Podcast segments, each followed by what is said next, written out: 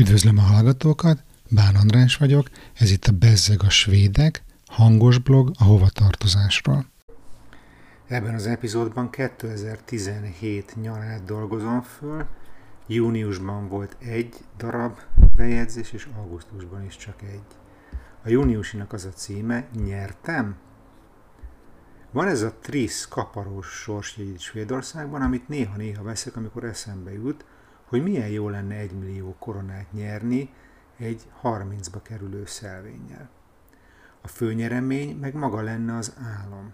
Akár 100 ezer korona havonta, 25 éven keresztül. Nem fakadnék sírva. Persze tudom, hogy az esélyeim szabad szemmel nem láthatók, és ez az egész téma reménytelen. De néha meggyőzöm magam egy impulzus vásárlás erejéig azzal a verhetetlen érvel, hogy tuti nem nyerek, ha sosem veszek egyetlen sorsjegyet sem. Nyertem már többször kisebb összegeket, de nyilván hosszú távon a bank kaszál. Nem érzem magam átverve, de azért a 30 koronás nyeremény szerintem már határeset.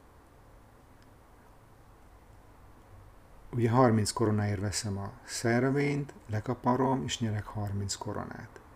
Azt hiszem, hogy nyertem valamit, de valójában csak visszakap hatom a befektetett összeget.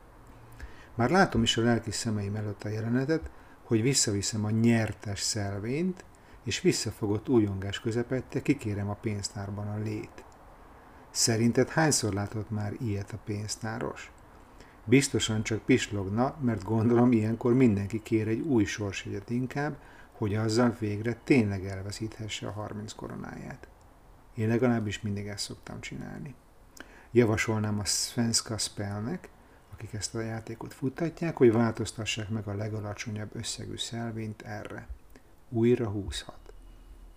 Nem tudom, mennyi idős vagy, én emlékszem arra, amikor gyerekkoromban ilyen letépős kis papír, kinyithatós sorsjegyek voltak, és nekem a détpapám az újpesti piacnál ilyeneket árult, és néha kaptam, és nagyon-nagyon izgi volt, hogy mennyit nyerek, de nem lettem belőle soha milliómos.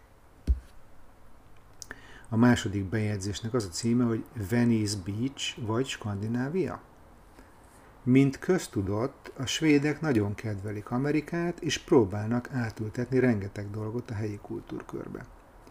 Ilyen például a szabadtéri konditerem, magyarul Muscle Beach.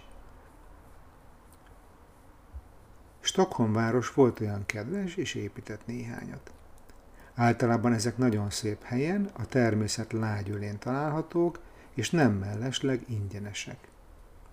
Minden naturális, így én is természetesnek találtam, hogy ezeket a helyeket hogy ezeken a helyeken edzem megrodjan deadbadomat. Augusztus közepe van. Az elmúlt hetekben minden flottul ment, de ma minden jel szerint elkezdődött az ősz. Kérhetetlenül ömlik az eső, és 17 fok van. Eredeti tervem szerint elbringáztam volna az uszodába, ahol toltam volna néhány erősítő gyakorlatot az ütégyimben, mielőtt a habok közé vetem magam. Ebből valószínűleg annyi valósul meg, hogy kocsival elalászkodom az Eriksdalsbadetbe és úszom egyet.